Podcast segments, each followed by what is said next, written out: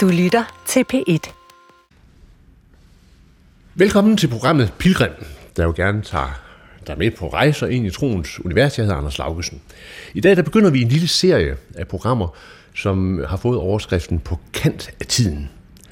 Der er mange fænomener og udviklingstendenser i tiden, som har betydning for de der dybere perspektiver, vi har på os selv og på omverdenen. Det er fænomener, som har betydning for vores opfattelse af virkeligheden, sådan bredt forstået, men også for de forskellige former for religiøsitet og spiritualitet, der er i dag. For at komme ind omkring de emner, så vil jeg i dag og i de kommende programmer, der kommer sådan hen over det næste år, invitere gæster. Pilgrim, det er jo et program, som er karakteriseret ved, at vi ikke laver optagelser i radiostudier, men vi forsøger at være ude i verden i omgivelser på en eller anden måde, spejler både gæster og emner, som vi taler om. Og derfor er vi i dag flyttet ud i badehuset på Aarhus Ø. Og, og altså nu fandt jeg ud af, at en af gæsterne, Morten Ågaard, du er jo sådan set hjemme her. Kan du ikke lige introducere stedet, hvor vi er? Jo, tak. Aarhus Ø, det er det helt nye område i Aarhus, som er ved at blive bebygget. Jeg tror, der skal ende med at bo øh, op mod 10.000 mennesker på Aarhus Ø, og, øh, og det er fuld gang. Det er en stor byggeplads i øjeblikket, men der er mange spændende bygninger. Og så har Aarhus Domkirke altså også investeret i, i sådan et strandhus, der er herude, som bruges blandt andet til sådan nogle aktiviteter, som vi er her i dag. Og vi sidder her med en skøn udsigt og kigger ud på havet, og det blæser, øh, og der er bølge toppe, skum på bølgetoppen, så det er et dejligt sted. Det Aarhus Ø deler vandene lidt, fordi nogen synes, at her er øh, alt for bygget, men øh, jeg tror nu, det ender godt. Og, og det er sådan helt symbol, fordi det er jo et, en, en futuristisk by. Altså jeg må sige, at jeg, jeg havde vældig besvær ved at komme herud, fordi appen fungerede ikke helt, og hvor skal man parkere osv. Og så de der enormt høje bygninger, som rejser sig direkte ud mod vandet, og sådan falder ned, og så i den modsatte ende, altså der, hvor vi sidder, I sidder og kigger ud på bassinet, så kan man se et lille bitte spir, der hænger. Det er, ja, det er, er domkirken. Det, det er domkirken, ja. Så det er altså her, vi, vi, vi, vi sidder. Gæsterne i dag, det er ja, altså Morten Ågaard, du er korsærspræst. Og sovnepræst i St. Pauls Kirke i Aarhus. Ja, lige præcis. Og så er det i Frosdal, du er salmedigter. Mm. Og øh, har på mange måder jo interesseret dig rigtig meget for sprog. Og så er det Hanne Bes Bolsbjerg. Du er postdoc ved Aarhus Universitet, hvor du, så vidt jeg forstår, er en del af et stort forskningsprojekt, hvor I arbejder med kærlighed og kærlighedsoplevelser. Ja. Så det er også der er samlet i dag. Og øhm, der er en række emner, som, øhm, som vi har øh, lagt på bordet. Og øhm, lad os begynde med at lytte til lyden fra en lufthavn. Ja, vi er altså i en lufthavn, og mennesker de myldrer afsted på ferie, på forretningsrejse, på weekendophold. Der er mærkevarer på tilbud i de forskellige lufthavnsbutikker. Vi lever i en tid, hvor friheden til at udfolde sig, selvrealisere sig, er enormt vigtig, og måske er lufthavnen et af symbolerne for det. Vi lever i et globalt forbrugssamfund, hvor fortællingen om frihed er vigtig. Men samtidig så lever vi jo også i en tid med overvågning. Vores telefoner er udtryk for det der overvågningskapitalistiske samfund, som man kalder det. Der er en meget stærk koncentration af brands og nyhedsformidling. Så altså, Morten, hvordan tale om et menneskes frihed i dag? Jamen det er sjovt, at, øh, at vi har taget det emne op, fordi nu har jeg så været præst i, i snart 10 år i Kirkens Korsager. Og i Kirkens Korsager møder man jo mennesker, som man normalt aldrig ellers ville være sammen med. Det er alkoholikere, det er narkomaner, det er psykisk syge, det er hjemløse. Og, øh, og der er sådan en tendens til hos os alle sammen, når vi møder dem på gaden og i alle mulige forskellige sammenhæng, at man inderst inde i sig selv tænker, ah, tag dig da sammen, hvor svært kan det være? Kom nu ind i kampen, øh, se nu blive afvendet, kom nu videre. Når man så som mig har været der i så mange år, så går det op for mig, og en, at virkeligheden ser fuldstændig anderledes ud. At der er nogle ting, som er bestemt forud, som er helt uundgåelige. Så når man møder sådan et menneske, så i stedet for at tænke, tag nu sammen, så skal man i virkeligheden tænke, af, af, af, af, af, kan vide, hvad det er, der er sket i dit liv, siden du havnede i den her situation. For der er ingen af dem, da de var 14 år gamle, der sad og tænkte, jeg vil være alkoholiker. Det har ledt mig til at tænke over det begreb, der hedder den frie vilje. Øhm, alle, alle dem, jeg har med at gøre, da de var 13-14 år gamle, der drømte de nøjagtigt det samme som os. Nøjagtigt det samme som os. De drømte om den søde familie og det gode liv, men tingene blev bare meget anderledes. Og det er ikke fordi, de ikke gerne ville, men der var nogle ting, der determinerede og bestemte, at tingene endte, som det gjorde. Og det har skræmt mig rigtig meget. Dengang jeg læste på universitetet, og læste teologi for mange år siden, der skulle vi blandt andet læse en bog, som Luther har skrevet, som hed den, Om den trælbundne vilje. Dengang der skrev Luther en bog op mod øh, Erasmus, øh, eller Erasmus Rotterdam, som var sådan humanismens, og det var netop et spørgsmål om, har vi virkelighed mulighed for at selv at bestemme? Er vores vilje sådan skruet sammen, at vi selv kan bestemme i vores liv? Og Erasmus sagde ja, og det var hele basis for humanismen, og Luther sagde nej. Vi, har, vi er dybest set fortabt. Vi, vores vilje vil kun føre os et sted hen. Hvis vi skal, og der skal ske noget, så skal der et indgreb til udefra. Jeg har brugt det hele min studietid på at argumentere mod Luther. Selvfølgelig har vi en fri vilje. Hey, jeg kan gå til højre, jeg vil gå til venstre, jeg kan gøre lige præcis, hvad jeg vil. Og så opdager man, når man så kommer i korsøren, lige så langsomt, med en næsten skræmmende klarhed, det kan vi overhovedet ikke. Og nu er jeg faktisk kommet til det punkt, at jeg faktisk kommet lidt i tvivl om, vi overhovedet har en fri vilje. Om der overhovedet eksisterer begrebet fri vilje, om det overhovedet eksisterer. Er det overhovedet relevant at tale om, og validt at tale om en fri vilje? Fordi vores vilje er i virkeligheden påvirket af så mange faktorer, som vi ikke selv er herover. Så du siger spørgsmålstegn ved, ved, ved jeg tror vilje jeg, i, også? I, I dag tror jeg ikke, vi har en, jeg tror overhovedet ikke noget, der hedder frivillig længere. Det tror jeg faktisk ikke på. Jeg tror, at vores vilje er totalt determineret af faktorer, som vi ikke selv er klar over. Og vi tror, at vi går til højre af frivillig, og vi tror, at vi går til venstre af frivillig, gør vi overhovedet ikke. Og noget af det, og nu skal jeg nok tige stille, og lade de andre komme til, men noget af det, der så har slået mig, det er, at videnskaben på mange måder jo også er gået. Da jeg gik i gymnasiet og diskuterede, der var det arv eller miljø. Og jeg var sådan på miljøsiden, fordi jeg var venstreorienteret, og der var nogle af de konservative, der sagde, det hele arv. Uh, nu ved vi i dag, at det er et meget mere komplekst billede. Hvis man, og hvis lytterne går efter det her program, vil google et, noget, der hedder epigenetik, så vil de se, at det er et kæmpestort forskningsfelt, som handler om faktorer, som tænder og slukker vores gener, og som skaber det menneske, vi er. Og det er altså faktorer, som vi ikke selv er herre over, og som vi ikke selv øh, kan styre. Så jeg må sige, ja, jeg er kommet til det punkt, hvor jeg tror, da jeg var 18 år gammel, der skulle jeg i hvert fald ikke være ligesom min far. og nu er jeg så blevet 61, og det er, jeg er blevet fuldstændig som min far. Ja, bort, bort fra staturen, det er ja, lidt anderledes. Og, og, og, og, og jeg må bare sige, jeg er jo ikke min far, han havde sit eget liv, ja, men hvis man satte mit liv ind i en social statistik, så fik jeg et liv, der var fuldstændig med til hans.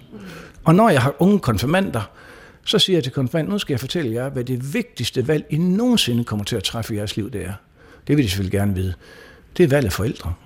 Og så sidder, jeg, sidder de og kigger undrende på mig og siger, jamen Morten, vi har jo ikke valgt vores egne forældre. Nej, men lige præcis, det er jo også den største enten gave eller den største katastrofe. Stod der noget på den lotteriseddel, du fik udleveret? Fordi det at determinere så meget af, hvordan vores liv bliver. Så fri vilje, nej, det tror jeg ikke på længere. Hvad siger du, Bess? Jamen, jeg, jeg, jeg sidder jo og kigger fascineret over på det, og der er mange tanker, der sådan ligesom begynder at rumstere i mig. Jeg har tidligere siddet på Sociologisk Institut på Københavns Universitet, hvor det jo også er sådan, altså hele frihedsbegrebet er noget af det, man udfordrer sådan teoretisk. Og jeg har sådan, altså sådan, måske mere fra sådan en personlig vinkel været optaget af det, fordi jeg jo beskæftiget mig med tro, øh, og ikke kun sådan i forhold til samfundsmæssige problemstillinger, men også meget psykologisk. Så når du beskriver de her skæbner, som du møder, og hvad det gør ved dig, og oplever den der form for determinisme, der udfolder sig, så kan man jo godt kigge på det netop sådan nogle samfundsfaktorer, som er med til at bestemme, hvad det er for et liv, der udfolder sig.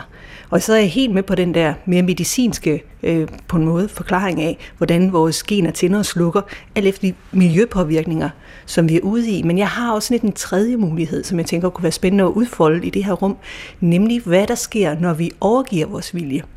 Og der er der måske tale om en anden form for frihed. Så det frihedsbegreb, der beror sig på, at vi er individer, og vi skal have så meget øh, handlemulighed, udfoldelsesrum som muligt. Hvad sker der, når vi på en måde giver slip på det, og så jeg ved ikke, om man overgiver sig til omstændighederne, eller vil kalde det en højere magt, men den der fornemmelse af, at der måske er noget andet, et andet frihedsbegreb, der rumsterer i, i den bevægelse, som jo kan være spændende at, at Det var jo præcis det, Luther gjorde i sin bog om den trælbundne vilje. Det var jo præcis at sige, hvis der skal for permanent og rigtig forandring til, så er du nødt til at have en kraft udefra, fordi du er determineret selv.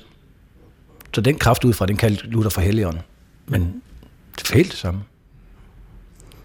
Jeg kan godt øh, genkende til noget af det, I taler om her. Altså, jeg tror også, vi har haft alt for stort fokus på, at vi skaber vores liv selv med vores egen frie vilje, og at livet består af en lang række valg, og det er viljen, der er den absolut vigtigste ting. Altså, vi kan gøre alt muligt med vores vilje, og måske er der noget ekstremt forløjet i det. Altså, hvor meget fri vilje har vi, når det kommer til stykket? Vi vil så gerne have ret i alting, og jeg synes, en af de ting, man opdager, når man bliver ældre, det er, at man har stort set ikke ret i noget, når det kommer til stykket. Altså, det, det er, og det er faktisk en befrielse at finde ud af, at, øh, at livet det kommer, som det kommer. Det rammer, som det rammer. Øhm, der er en masse ting, der determinerer os. Det er vores forældre, det er vores sociale baggrund, men det er også det, der kommer forfra og udefra, som vi ikke havde forudset, og så kan man kalde det timing, held, uheld, tilfældigheder, livets urensagelige veje. Men det fylder i hvert fald for mig, i takt med, at jeg bliver ældre mere og mere, det der urensagelige, uforklarlige, der sker. Og det betyder selvfølgelig også, at frihed for mig er blevet noget andet end den frihed, jeg fik fortalt, jeg havde, da jeg var ung. Da jeg var ung, der troede jeg også, at frihed handlede om, at man skulle vælge mellem en hel masse ting. Og jo mere frihed man havde, jo bedre var ens liv. Det, man havde valgt, det var godt. I dag, så tror jeg mere, at jeg tænker, at øhm, frihed, det godt kan være en frihed fra at skulle vælge alting. Øhm, og jeg forstår egentlig det lutherske sådan, at man har en frihed til øh, bare at være menneske, og ikke at være Gud. Altså frihed er fra mig i kristen forstand, det at man er fri fra at være Gud. Og man er faktisk også fri fra at skulle ville alting. Altså den der vilje, der fylder så meget, fordi det er hårdt at skulle ville alting, og hvem af os vil en hel masse hele tiden? Altså, der er tit, jeg ikke rigtig vil noget. Jeg er bare til stede i verden. Så for mig er det en befrielse også at tænke, at øh, udover at jeg sådan i kristen forstand er befriet fra at være Gud, så er jeg også befriet fra at skulle ville noget, men i stedet for, så er der noget, jeg skal. Det er ret konkret. Hver eneste dag, når jeg står op, så ved jeg, jeg behøver ikke tænke på, hvad jeg vil, og hvad mine behov er, hvad jeg har lyst til. Der er noget, jeg skal. Og hvad er det, vi skal? Vi skal gå ud og elske vores næste som os selv. Der er opgaven. Ja, altså, så, så, så det, altså, jeg kan godt forstå, hvad jeg siger, men jeg, jeg tror faktisk ikke helt, jeg er enig. Øhm, altså, hvis jeg går tilbage i mit eget liv, så, øh, så da jeg var, var ung, så øh, fik min mor sådan nogle dybe depressioner, og det var, det var vældig svært. Øhm, og det var sådan set første gang, jeg øh, stod og oplevede et eksistentielt valg, der var meget dybt. Fordi det, der var på mange måder det letteste, og det som mange af dem, jeg sådan omgives med, sagde, det var, at altså, hun har sit liv, og du må, du må ligesom lade hende være og, og sørge for, at, at du selv redder dig selv. Ikke? Øhm, og jeg valgte så anderledes. Jeg valgte så at prøve at, at være der så meget, jeg kunne for min mor. Det havde nogle store personlige omkostninger, og det var ikke noget, det var ikke noget jeg egentlig synes hverken var rart, eller, eller, eller øh, som på en måde lå i kortene. Men jeg tror, men, du kigger men, på... Men, men, men det var et valg. Men du kigger på dit valg alt for overfladisk, Anders. Fordi bagved det, der ligger der en helt masse faktorer, som bestemmer for, hvordan Anders tænker. At du, du gør tænkningen fri, du frisætter tænkningen som noget, som er uafhængigt, og som er uafhængig af den determinisme, som er øvet Det er den ikke. Den er fuldstændig bundet. Du tænker præcis, som du skal tænke, og som Anders kunne tænke, og som mennesker i Anders familie har lært Anders at tænke, og som de gener, som du har fået, og de omgivelser, du har, været, har tændt og slukket for. Så Anders tror, at han tænker frit. Det gør han ikke. Han tænker sådan, som det er helt determineret. Sådan det, er det bare. Det er jeg altså ikke sikker på, hvis jeg ser tilbage i min familiehistorie, passer. Altså, det er fordi, men, vi alle sammen men, tror jo, at men, vi er frie. Ja, men den måde at tænke på, hvis, hvis, hvis det passer, så er det jo på sin vis helt katastrofalt.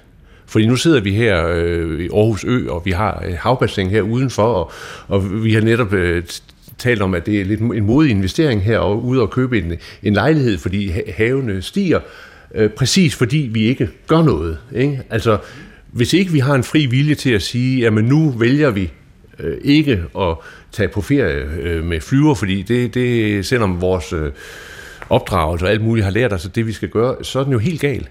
Altså hvis, hvis der ikke der er en fri vilje til at, at, at sige, nej, vi går den anden vej, så, så, så er det jo helt galt. Men, men må jeg sådan øh, sige noget ind i det, fordi øh, noget af det, jeg sådan ligesom har tilegnet mig som en metode, som, øh, som går på opdagelse i, hvordan vi for eksempel beslutter os, den hedder mikrofænomenologi.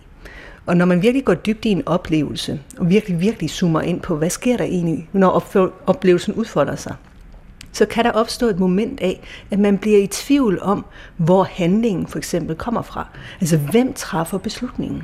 Altså der, hvor agens, vi er jo identificeret med et jeg eller en individualitet, men der kan være en måde at udveksle med sin egen oplevelse på, hvor man simpelthen bliver i tvivl om det er måden, jeg møder noget bestemt på, som gør, at jeg handler på den her måde, eller kommer det fra mig som en bevidst beslutning. Så jeg, jeg er meget optaget af det, du siger, fordi det har en eksistentiel dybde. Altså det klinger i mig, det du siger. Og jeg forstår godt, at der er en eller anden måde at møde det her på, som er afgørende. Og så er jeg også klar over, at vi bliver formet ikke? Og der, der opstår på en måde en par, et paradoks. Altså det er jo ligesom der, hvor man taler om, at viljen fri. Men, men jeg forstår, at der må være, der er jo en eller anden form for måde at stille sig på i den situation, som man kan sige indbefatter en forståelse, som man praktiserer igennem den handling, du udfører. Altså det valg. Ikke? Og der kan man sige, at der er masser masse forudsætninger for, at du kan træffe det valg, men at du træffer det, er måske ikke bare givet. Men jeg tror også, Anders, selvfølgelig har man et ansvar. Selvfølgelig tager vi en masse beslutninger, og selvfølgelig er det fuldstændig afgørende, hvad vi bestemmer os for at gøre i de forskellige situationer, vi står i. For mig handler det mere om, at man ikke gør den der beslutning alt for omfattende, eller tro, at man med ens egen beslutning kan ændre hele verden. Øh, men selvfølgelig har vi en forpligtelse til at gå ud og træffe nogle beslutninger, der kan gøre vores næstes liv bedre. Øh, jeg taler ikke om, at vi ikke har en vilje. Det tror jeg bestemt, vi har. Men den vilje har en retning, og for mig er retningen, at der er noget, vi skal. Det handler altså ikke om, hvad vi selv vil, men der er noget, vi skal. Vi har en forpligtelse over for hinanden. Så, øh, og der er meget, der kan true den vilje. Altså, jeg tænker, at øh, i de her år, der er der flere og flere af os, der sidder med hovedet ned i skærmene. Og i den skærm, der ser vi et udsnit af virkeligheden. Altså hvis man skal kunne træffe et valg, ligesom du træffede et valg dengang med din mor, Anna, så skal man jo have en adgang til virkeligheden, hvor man står åbent og frit og registrerer, hvad sker der her, hvad har det andet menneske brug for. Men når vi sidder foran vores skærme, så bliver vi repræsenteret for, eller præsenteret for noget virkelighed, som er givet til os af nogle algoritmer, som ved, hvordan vi selv tænker, og hvordan vi klikker ind på nettet, og hvor længe vi opholder os på hjemmesider, og øh, ja, altså stort set alt ved de om os. Og så får vi egentlig bare sådan en spejling af os selv, og det giver jo ikke nogen muligheder for at træffe nogle frie valg, og det synes jeg virkelig truer os i tiden. Det er jo, det er jo også en af faktorerne. Øhm, det synes jeg, du har fuldstændig ret i. Jeg kan huske, for mig blev starten på den her rejse, det vil selvfølgelig, og den, min oplevelse af spørgsmål om fri vilje, det var selvfølgelig min erfaring af korsøren.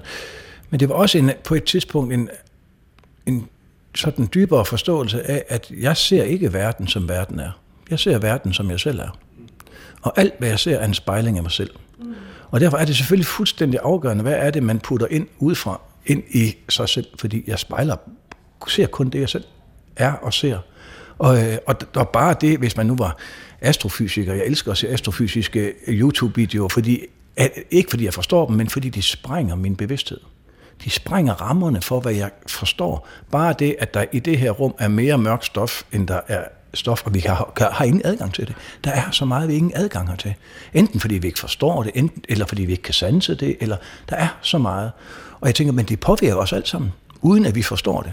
Og det er der, hvor jeg tænker, de skaber for mig en, det, at vi ikke har en fri vilje, det skaber for mig også en forståelse af, hvor vigtig ydmyghed er.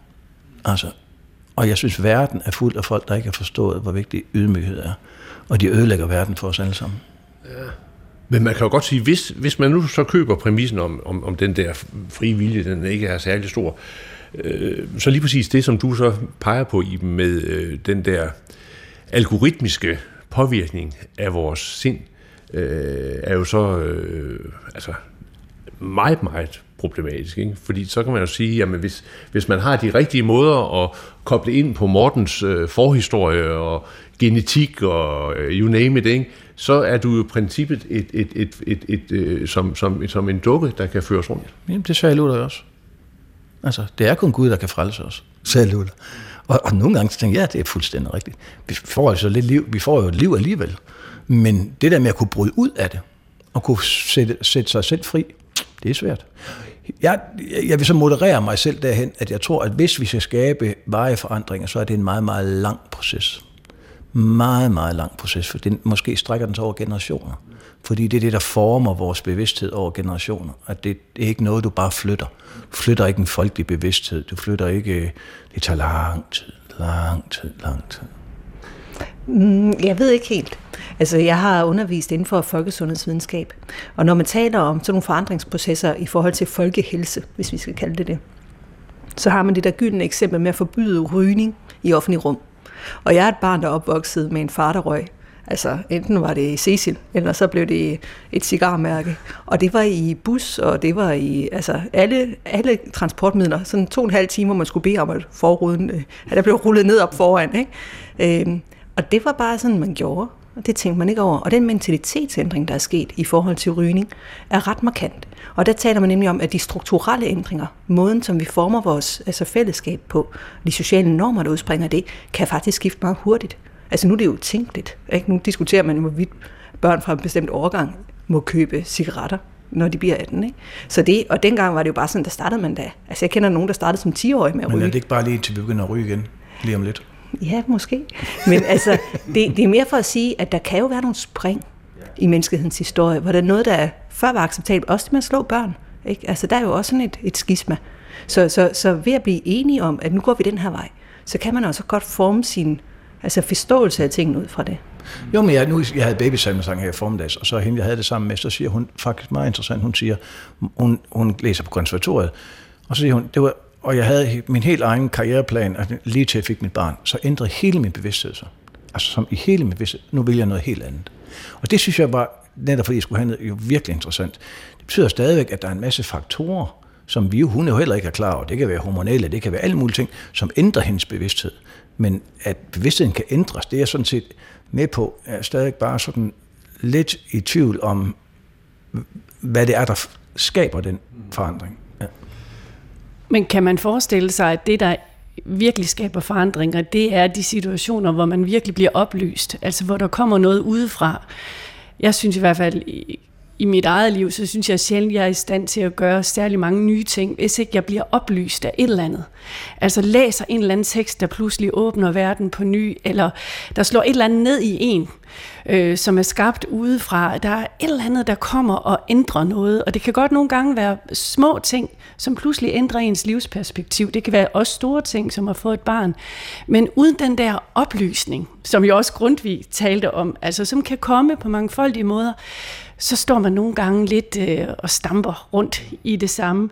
Så der må være en eller anden åbenhed over for, at der er noget, der kan oplyse os, og nogle gange ryster os nok til, at vi gør noget nyt. Jeg tror ikke så meget på, at vi kommer til at gøre nye ting. Vi er vane mennesker, vi mennesker.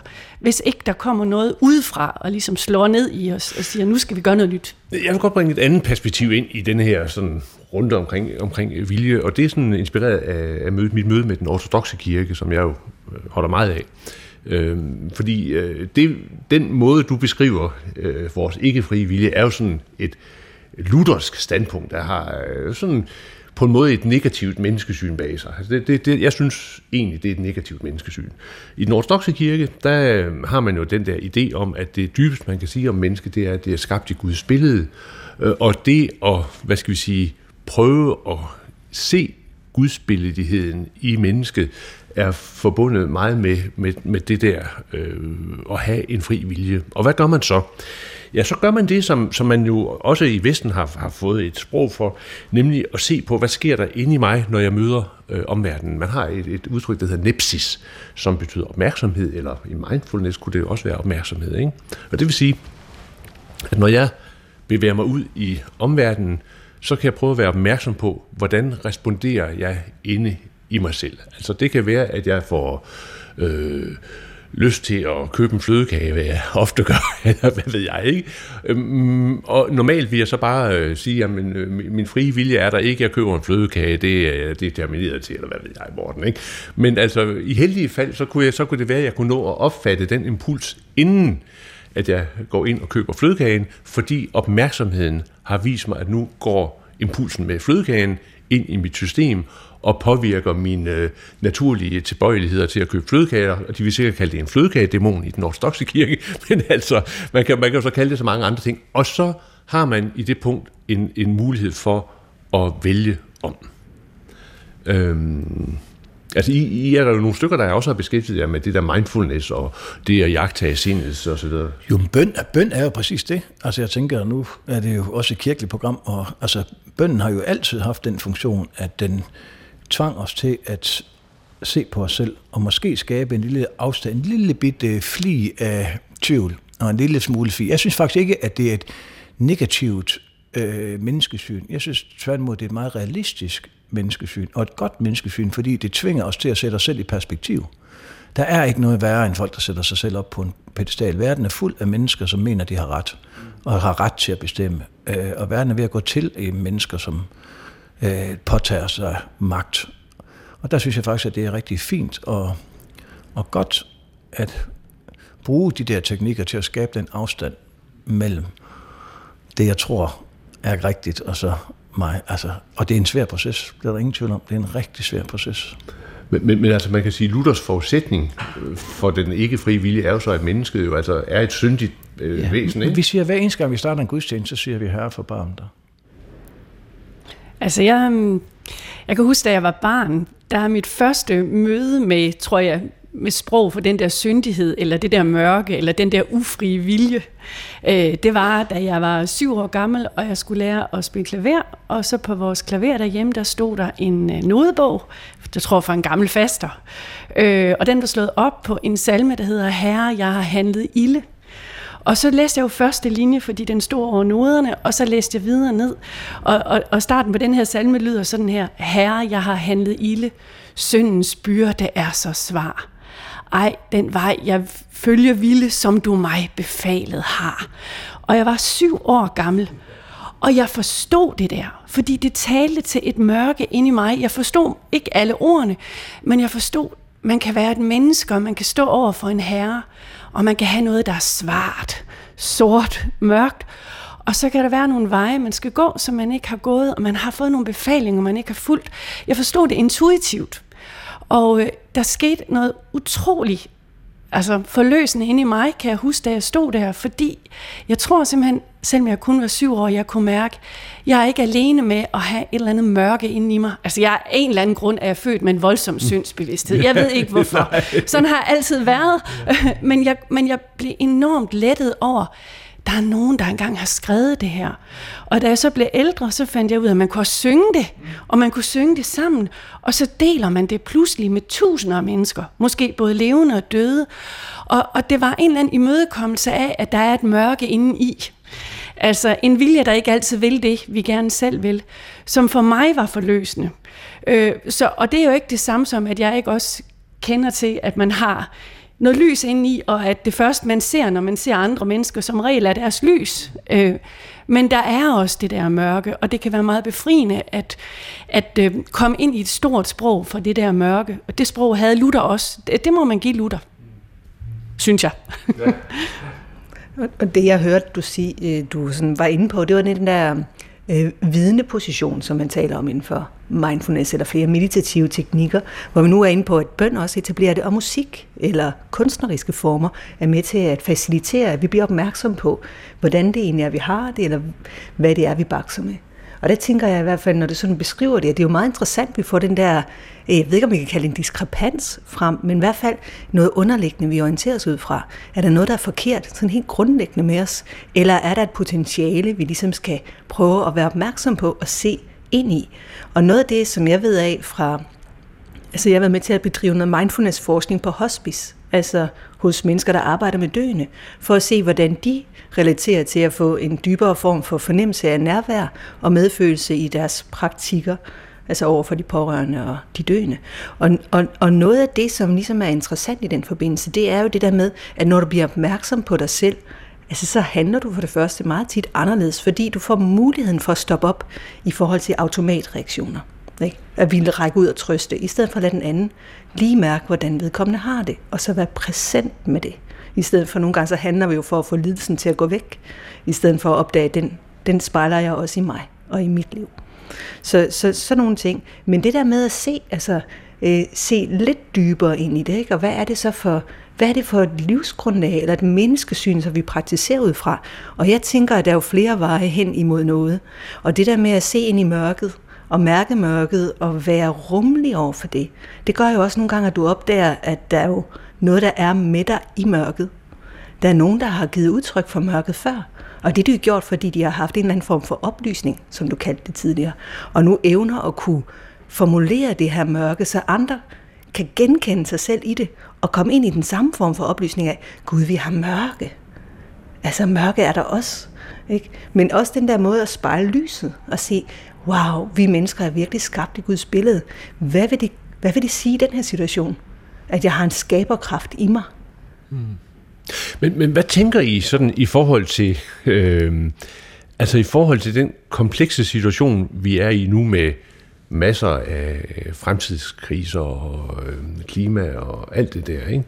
Øhm, altså, er vi, er, er, der en, en, er vi determineret til at nå et eller andet bestemt punkt, som så jo i hvert fald øh, måske øh, kunne være undergang, fordi vi altså til synligheden handler så meget i overensstemmelse med vores egne behov og begær og så videre, så videre, eller, eller, eller er, der, er der muligheder for at, at træde et skridt til side og øh, vælge noget andet del som enkeltperson, også kollektivt? Altså fordi på en måde kan man sige, at spørgsmålet om den frie vilje er jo ikke bare et spørgsmål om, om Anders og Iben og Morten og, og, og vel. Altså det er jo, det er jo, det er jo, det er jo spørgsmålet, om, om vi i forhold til de valg, vi står overfor, er i stand til at træde nye stier. Ikke? Hvad skal der til for det? Altså, hvad tænker du? Ja. Altså, jeg tør godt sådan bevæge mig lidt i den retning. Ikke?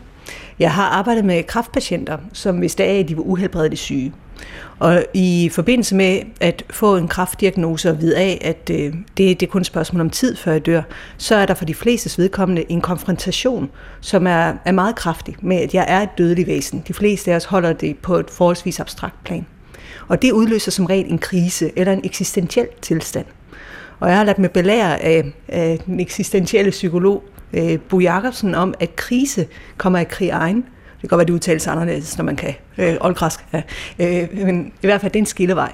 Så der er mulighed for at stille sig altså, i forhold til det, man oplever som det krisefyldte, og så vælge noget nyt. For mange af de her kraftpatienters vedkommende handlede det om at vælge sine grundværdier. Ikke? Virkelig, og, og, og, og for flere vedkommende havde de en trospraksis, og gå ind og mærke, hvad er vigtigt lige nu, i forhold til at komme i overensstemmelse med det, jeg mener er sandt og virkeligt.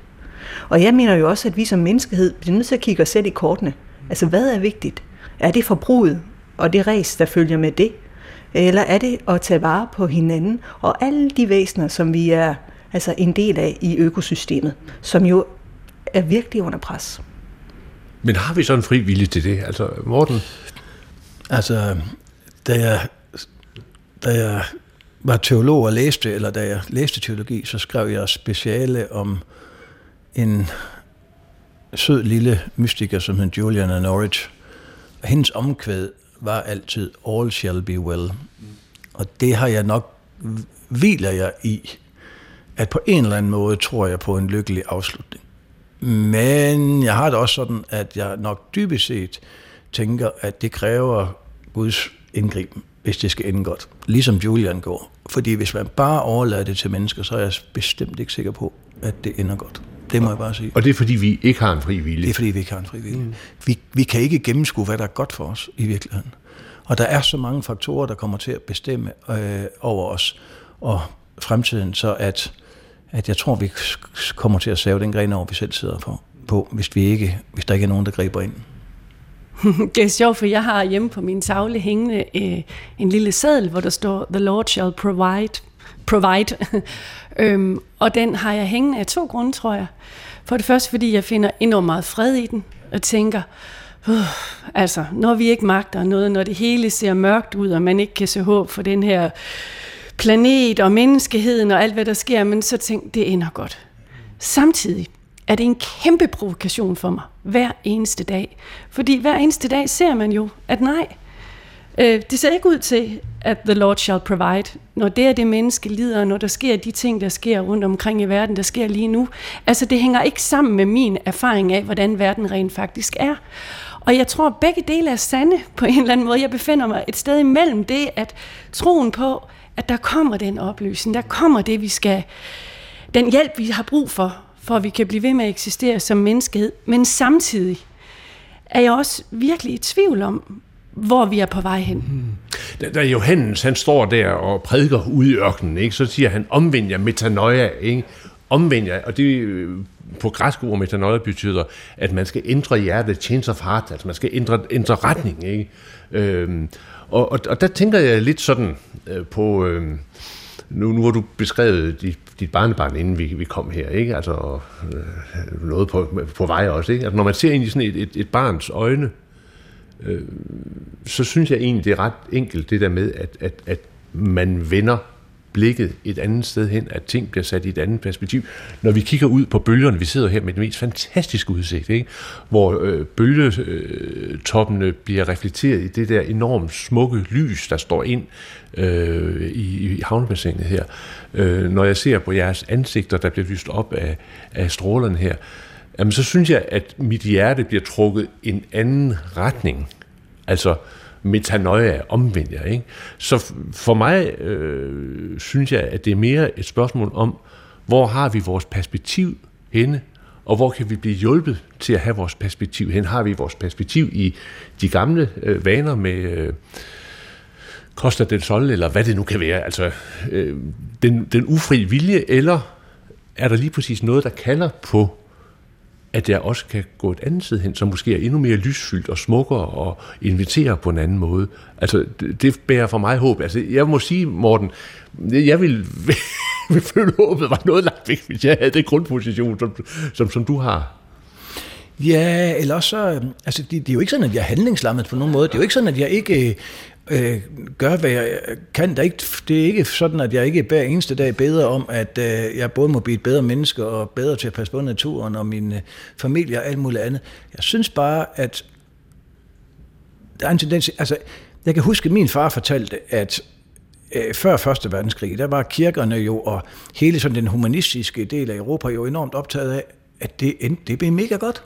Altså, det blev mega godt. Altså, alle havde en forventning om, hold op, det går. Så kom Første Verdenskrig med millioner og er der millioner af døde. Og det væltede hele kirkens syn på, hvad der, hvad, hvad, hvor den menneskelige, øh, altså, øh, øh, hvor, hvor ender vi hen som menneske. Og det fik ændret kirken, det ændrede befolkningens syn.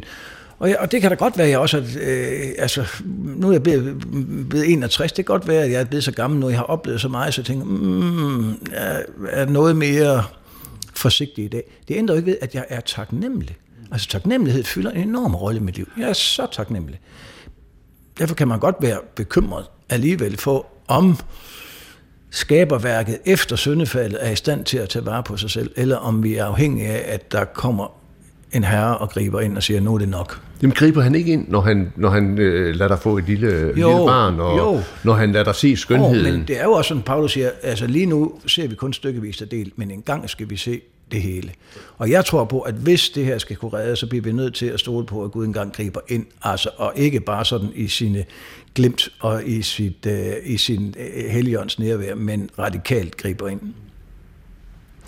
Jamen, der er, ja, altså, der er mange slags indgriben i den her verden, og der er mange måder, hvorpå vi sådan kan blive øh, ja, gennemstrømmet på nye måder, eller få nye indsigter. Det kan være i helt små ting. Altså, jeg tænker også på det her med blikket. Jeg har nogle gange set sådan et særligt blik, som jeg ved i hvert fald ved, hver eneste gang har fået mig til at tænke øh, lidt anderledes om livet. Det er sådan et blik, man kan se en gang imellem, når mennesker er i overgangs tilstande i deres liv. Altså jeg kan huske, jeg så det første gang, da min morfar lå for døden. Han lå hjemme i øh, sin stue på, øh, på sådan en sygehusseng, og så skulle vi sige farvel til ham. Og så da jeg stod og kiggede på ham, så fik han sådan et særligt, eller han havde sådan et særligt blåt skær i øjnene. Jeg har, jeg har hørt, at flere har set det der skær. Et eller andet sådan et dybt søgende, undrende, barnligt blik.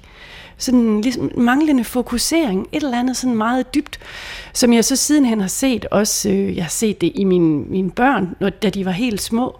Jeg så det for nylig, da min far lige har fået en blodprop og lå ude på sygehuset og var helt forvirret og ingenting kunne. Og da jeg kom ud og sagde hej til ham, så så jeg den der Jamen, altså, det var ligesom om han var blevet barn på ny. Den der stille, blå søgen, sådan efter et eller andet holdpunkt, eller et eller andet lys. Øhm, og det blik, altså det er en lille bitte indgriben, tror jeg. en lille bitte påmindelse om, at øhm, vi alle sammen har et eller andet blik, som, øhm, som kan ændre sig. Vi leder alle sammen efter et eller andet. Men og det er vi fælles om. Det, det, det er helt med på. For ellers tror jeg også, at tilværelsen er uudholdelig. Altså når vi nu i, i et babysalmsang synger i Østen stiger solen op. Ikke? Den, altså sidste vers, du sole sol fra Bethlehem, have tak og lov og pris, for hvert et glimt fra lysets hjem og fra dit paradis. Det holder fast i begge dele. Det er både et glimt, det er glimt lige, lige her nu, men det er også paradis. Altså, at den der ekstra dimension, at det hele bliver forandret. Og det tror jeg faktisk er vigtigt for mig, og i min egen tro, at det er, at stykkevis af del og glemt, det er rigtig skønt og dejligt. Anden, der er behov for et paradis. Mm. Og det kan man måske også kalde et paradigmeskifte, om man vil. Ikke? Og jeg kan sagtens følge med i den der længsel eller håbet om, at det er det hele, der bliver forandret. Og det, det føles jo som om, at der skal en udefra kommende kraft til, fordi der er så stor en afmagt i, i det her, som vi øh, oplever lige nu. Ikke? Altså en manglende politisk vilje, man nogle gange bliver konfronteret med, og hele ens egen uformåenhed til at leve et liv, som man ved af er bæredygtigt. Og så tænker jeg, at der er noget i det, som du også har sagt noget omkring tidligere, altså det med at lade sig opfylde af noget. Og jeg tænker, at øh, du taler om sådan oplysning i dem, og sådan forskellige måder at kredse omkring noget på, hvor jeg tænker, at det er jo også en form for at blive mere sensitiv over for sine omgivelser. Altså virkelig lade sig berøre og føle sig forbundet med. Ikke? Og det er i den forbundethed, jeg i hvert fald selv søger nogle svar, fordi så bliver der nogle handlinger, som ikke længere er mulige. Altså jeg kan ikke bare udnytte naturen, fordi jeg er jo forbundet på så dybt Præcis. et niveau. Også på måder, som vi jo heller ikke selv helt altså, som vi ikke begriber. Øh, når jeg underviser konsumenter, så siger jeg også nogle gange, altså livet har jo et, et uendeligt potentiale, et fuldstændig uendeligt potentiale, som vi jo dybest set slet ikke selv forstår dybden af, men det har altså også potentiale til at blive næsten ingenting. Og blive helt forfærdeligt. Øh, og, og det er jo det, jeg i mit eget arbejde oplever helt igen og igen og igen, hvor lille livet også kan blive. Hvor stort potentiale er, men hvor lille det også kan blive. Og der synes jeg, det er fuldstændig det er helt af. Der har vi jo selv ansvar. Du er der brugte ordet ansvar. En pligt. Og jeg tænker også tit altså på, tilbage på, at altså pligtetikken, tror jeg, er rigtig godt for mennesker. Hey, du behøver ikke at stille spørgsmålstegn, om, du, om, du, om det nu er godt, eller om du har brug for det, eller sådan, nej, gør det nu bare. Kom nu, gør det nu bare. Altså, for det tror jeg faktisk er frisættende for rigtig mange, for netop fordi, at man netop havner i afmagten. Jeg tænker tit på mit arbejde, at der er så mange, der spørger mig, Morten, Nå, hvor mange får du så ud af misbrug? Hvor mange kommer, der, så kommer og klarer sig så godt? Ikke? Altså, de har sådan en fornemmelse af, at nu skal de blive bankassistenter alle sammen. Og hvis jeg er sur, eller ikke sur, men hvis jeg så nogle gange er lidt sådan, så siger jeg, jamen jeg får mange ud af misbrug. I sidste uge begravede jeg to. Altså, ja. Men det er jo virkeligheden, ikke? Altså i sidste uge begravede jeg to. Mm. Ja. Men skal man ikke også, altså jeg er helt enig i, at der er det der skal og den der pligt, og det er en god ting, men jeg, jeg synes også, man skal tænke på, at der er dette liv og denne jord. Og så er der også en evighedsperspektiv, eller en evighedsdimension, og det er noget andet. Altså jeg tror ikke på, at vi nogensinde kommer til at skabe en jord, hvor alt er i balance, og vi alle erkender, hvor forbundne vi er med hinanden. Og, altså, der, der er en anden og en større og en dybere virkelighed, en hinsidighed, eller hvad det nu må dække over, som, øh, som hører med i det her. Paradis på jorden, det kommer nok aldrig til at indfinde sig. Men noget af det, som så er, er vigtigt, det er jo så øh, også måden, vi ser virkeligheden på. Ikke? Fordi man kan godt sige, at, at, at øh, for for eksempel at have en pligtetik, så kræver det også, at man har nogle øh, overensstemmelser i et fællesskab om, hvad er så det, vi er forpligtet på, hvordan er det, vi ser virkeligheden. Og der, øh, Bess, var du jo sådan for noget tid siden inde på, at, at det der med at forstå virkeligheden øh, sådan i dybden, det, øh, det er et helt forskningsfelt, ikke? fordi hvordan ser man egentlig virkeligheden, og hvordan ser vi vores fælles virkelighed? Mm-hmm. Og altså, den her mikrofenomenologiske metode arbejder jo med at udfolde oplevelser som, som vores adgang til virkeligheden. Altså det er også det, der ligger i fenomenologien. Vi kan ikke vide om virkeligheden i sig selv, men vi kan erfare noget, som sætter aftryk og som, som, som udfolder sig i os på en bestemt façon. Og selve den udfoldelse af en oplevelse kan være med til at lære os om, hvad er det her fænomens natur, i hvert fald i mødet med mig. Så det er som fuldstændig subjektive oplevelser, som vi kigger nærmere på. Og der er det sådan, at vi prøver at gøre det i forhold til troserfaringer, eller kærligheds, kærlighedsoplevelser, eller det vi kalder hjerteåbninger. Så, så i den forbindelse vil man sådan ligesom prøve at se, hvordan, hvordan virker det, eller hvad gør det i mig, at, at mærke kærlighed? Hvordan, hvordan er det varme i brystet, eller er det en summen i kroppen? Eller, og det er jo forskellige typer oplevelser, vi så også prøver at se nærmere på. Men ind i det, så støder vi nogle gange på sproget. Altså, vores virkelighed er jo på en måde sprogafhængigt. Fordi det er der, vi ligesom taler fælles om, hvordan vi oplever virkeligheden. Og jeg havde for eksempel et interview i går med en, øh, en præst, som talte om at være fyldt af helligånden. Og der var et tidspunkt, jeg gerne ville dykke endnu dybere ned. Ikke? Nå, men hvordan oplevede du så at have vidsthed om, at det var Guds kærlighed, du mødte? Og han sagde, det er fordi, det ved jeg. Altså, jeg kan jo mærke det. Og der var ligesom et, et sted, hvor vi begyndte at støde på grund, fordi han sagde, men det var jo Gud.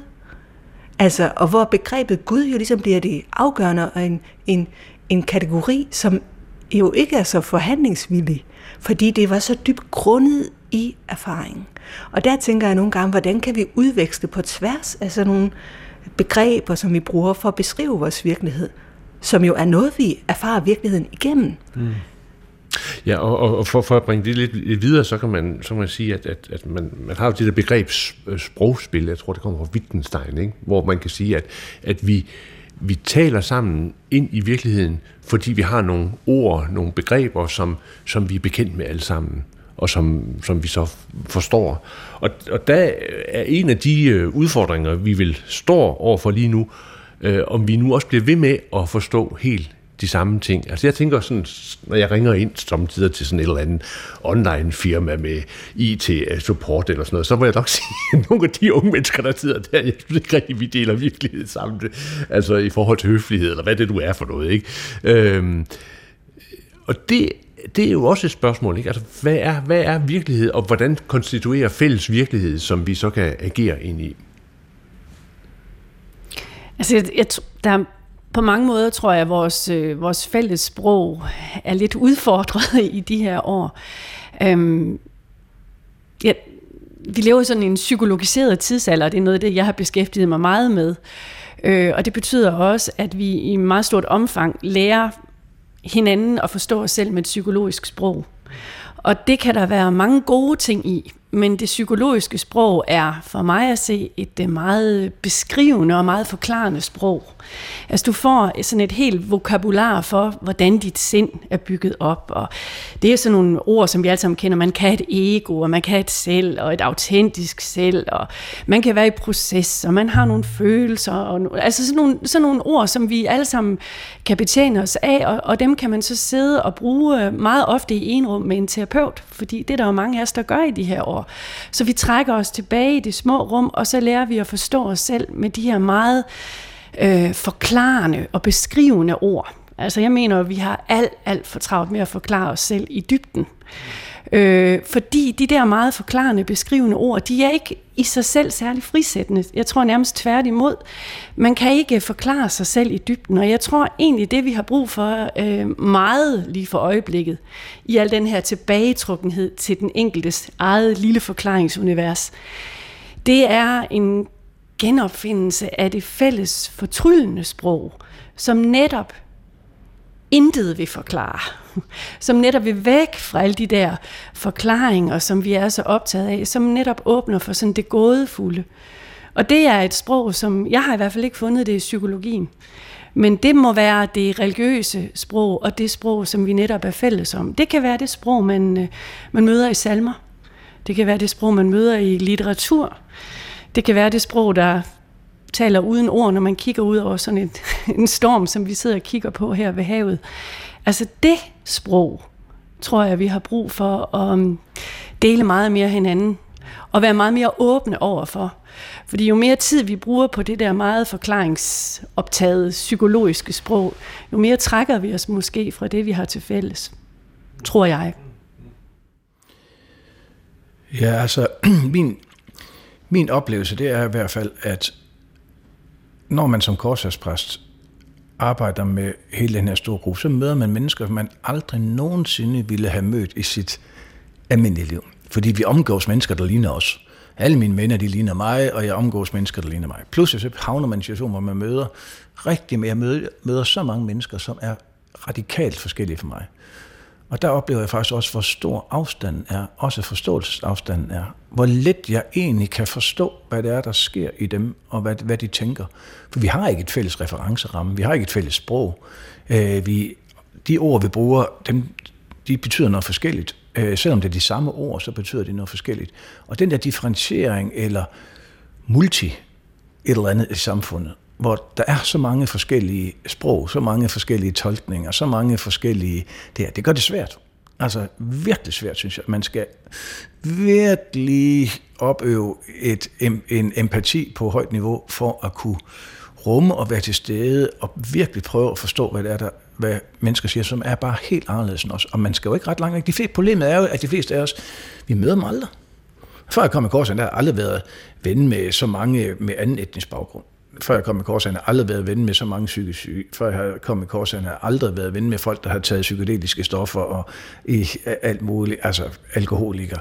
Det er bare, det, og så oplever man nøje mit perspektiv. Og det er derfor, jeg sagde før, jeg ser ikke verden som verden er. Jeg ser verden som orden er. Og alt, hvad jeg ser, det er præget af den at det Morten er. Og det, den, hele den baggrund, som Morten har, og de gener, og den genetik, og epigenetik, og erfaringer, jeg har, det er det, der former mig. Og nøj, det er en stor arbejde, et stort arbejde at sætte sig over på den anden side af bordet, ved siden af et menneske, som bare er helt anderledes mig. Hold da op, mand. Og jeg tænker, det er en stor udfordring for, for en verdenssamfund, hvor der bare er langt mellem mennesker. Ikke nødvendigvis fysisk, men der er langt åndeligt mellem mennesker. Men, men vi har brug for et fælles sprog, ikke? Altså, verden fungerer ikke uden, at der er et fælles sprog. Det er derfor, Jesus siger, gå ud i verden og gør alle folkeslag til mine disciple. Det, I døber dem i faderens søn selv. Jamen, det er jo for at skabe et fælles sprog. Mm. Det er der ingen tvivl om. Men jeg mener jo, der ligger noget i det menneskelige. Altså nu taler du i dem om det at se på bølgerne, det sprog, som naturen taler. Vi kunne også tale om berøring, eller nogle andre parametre. Det er jo ikke altid, fordi det er begrebsbestemt det sprog, vi kan benytte os af. Kunsten forsøger jo også nogle gange at sige noget, uden at bruge sproget, som vi kender det, og skaber måske på den måde en ny erfaringsramme for det, vi går oplever. Så jeg tænker jo, at når vi har med mennesker at gøre, som vi ikke umiddelbart spejler os i, så vil der stadigvæk være nogle kendetræk, der gør, hov, nu kan jeg se, at du bliver ked af det. Eller, nej, der trækker du dig lidt. Ikke? Altså, uden at psykologisere, så, så har vi jo nogle udvekslingsmuligheder, jo, man vil også sige, at altså, seksualiteten er jo også et sted, hvor mennesker mødes på tværs af alting. Altså, det er jo da et sted, altså det kan man se i pornografien, den, øh, den er ens over hele verden. Altså, der er jo et eller andet sted, hvor seksualiteten, der mødes mennesker, uanset hudfarve, baggrund, et eller andet, der er et eller andet fælles sprog, som, de kan tage, som man kan tale.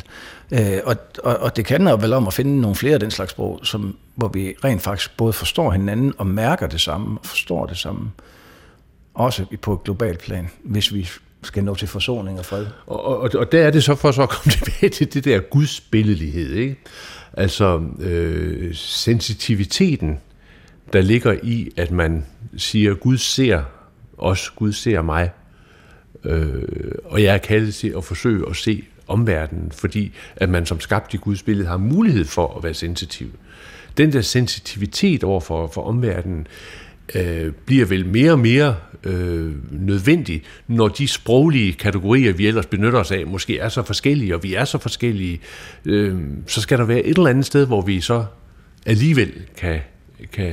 Religionen er bare rigtig god til at grave grøfter også. Ja, det er den. Ja. Rigtig god til at grave grøfter. Ja. Der er også noget i det religiøse sprog, som er ekstremt grøftegravende, og, øh, og som er farligt. Altså. Og der er også noget den, altså den der den der at blive set, øh, altså hele oplevelsen af at blive set, er enormt truet, fordi vi sidder foran vores skærme. Der er meget stor forskel på at blive set i øjnene af et fysisk menneske, og så stå foran det der store, larmende masseblik og kæmpe for opmærksomhed. Altså, vi lever i den her mærkelige opmærksomhedsøkonomi. Det er voldsomt anstrengende. Og bliver vi egentlig nogensinde set, og ser vi egentlig hinanden? Og, og, og når man sidder på nettet, så kan man også nogle gange faktisk spørge sig selv, hmm, altså, er vi ikke i gang med egentlig at blive mere og mere ens? Altså jeg er ikke sikker på det der med, at vi er så forskellige. Jeg synes, at der er mange ting, der tyder på, at det er de samme ting, vi sidder og kigger på, og de samme skønhedsidealer, vi får, og de samme produkter, vi køber. Altså jeg er ikke sikker på, at øh, der bare er en hel masse forskelligheder derude. Der er også et eller andet, der gør, at vi bliver på en ret frygtelig vis mm. mere og mere ens. Da, øh, da Luther han, øh, han slog sine teser op, øh, Øh, der var han sådan et middelaldermenneske, ikke? der jo altså var bestemt af af det, der nu skabte middelalderen. Nu sidder vi her 2022 i, og det fornemmer vi jo, en, en, en tid med kompleksitet og med øh, mange blikke ind på, hvor, hvor sammensat livet er. Øh, sådan helt kort her til sidst. Hvad betyder den der kompleksitet for måden, vi i kirkelig sammenhæng eller anden sammenhæng skal kan orienteres imod øh, Gud eller øh, spiritualitet, fordybelse på? Altså jeg synes jo, hvis jeg, hvis jeg, hvis jeg skulle kigge på sådan lidt selvkritisk på øh, min egen kirke og sådan noget, så synes jeg, at vi har en meget øh, tilbageskuende tra- øh, tendens, altså hvor jeg synes, at vi, det at inddrage alle de erfaringer og al den viden, der er i alt den øvrige videnskab, det er noget af det, som teologien trænger. Vi trænger til at få luftet ud. Vi trænger til at trække nogle af de erkendelser ind, der ligger alle mulige andre steder, hvor jeg synes, vi har så travlt med at bruge de erkendelser, vi allerede har, øh, truffet bekendtskab med, og som vi kender, og som vi bruger, og så holder vi fast i dem, hvor jeg synes, der er så meget spændende i hele den brede erkendelses øh, base, altså, øh, og det kan være din, øh, øh og, og, og, og i, det, altså, den synes jeg, vi trænger til at trække ind. Vi er alt for snævre i kirken.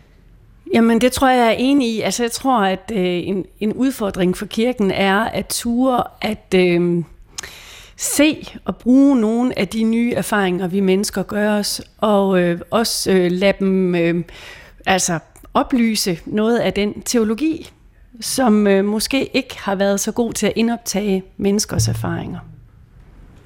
Ja, og jeg kommer jo med et meget udfra kommende blik. Jeg tænker, noget af den her sensitivitet, vi har været inde at berøre, øh, er, er væsentlig for os natur at lade sig forny. Og så også det der med at opdage næsten som det mirakel, det jo egentlig er. Og nogle gange så evner vi jo lige pludselig at række ud og mærke, altså det under det er, at vi eksisterer. Det var det, ja. vi kalder livsoplysning. Livsoplysning. Det er et flot begreb. Og det bliver så det sidste ord her i øh, Pilgrim. Øh, gæsterne i dag har været Hanne B. Spolsbjerg, Iben Krogsdal og Morten Ågaard. Jeg hedder Anders Laugesen. Jeg siger tak, fordi du lyttede med, og forhåbentlig på genhør om en uges tid. Gå på opdagelse i alle DR's podcast og radioprogrammer. I appen DR Lyd.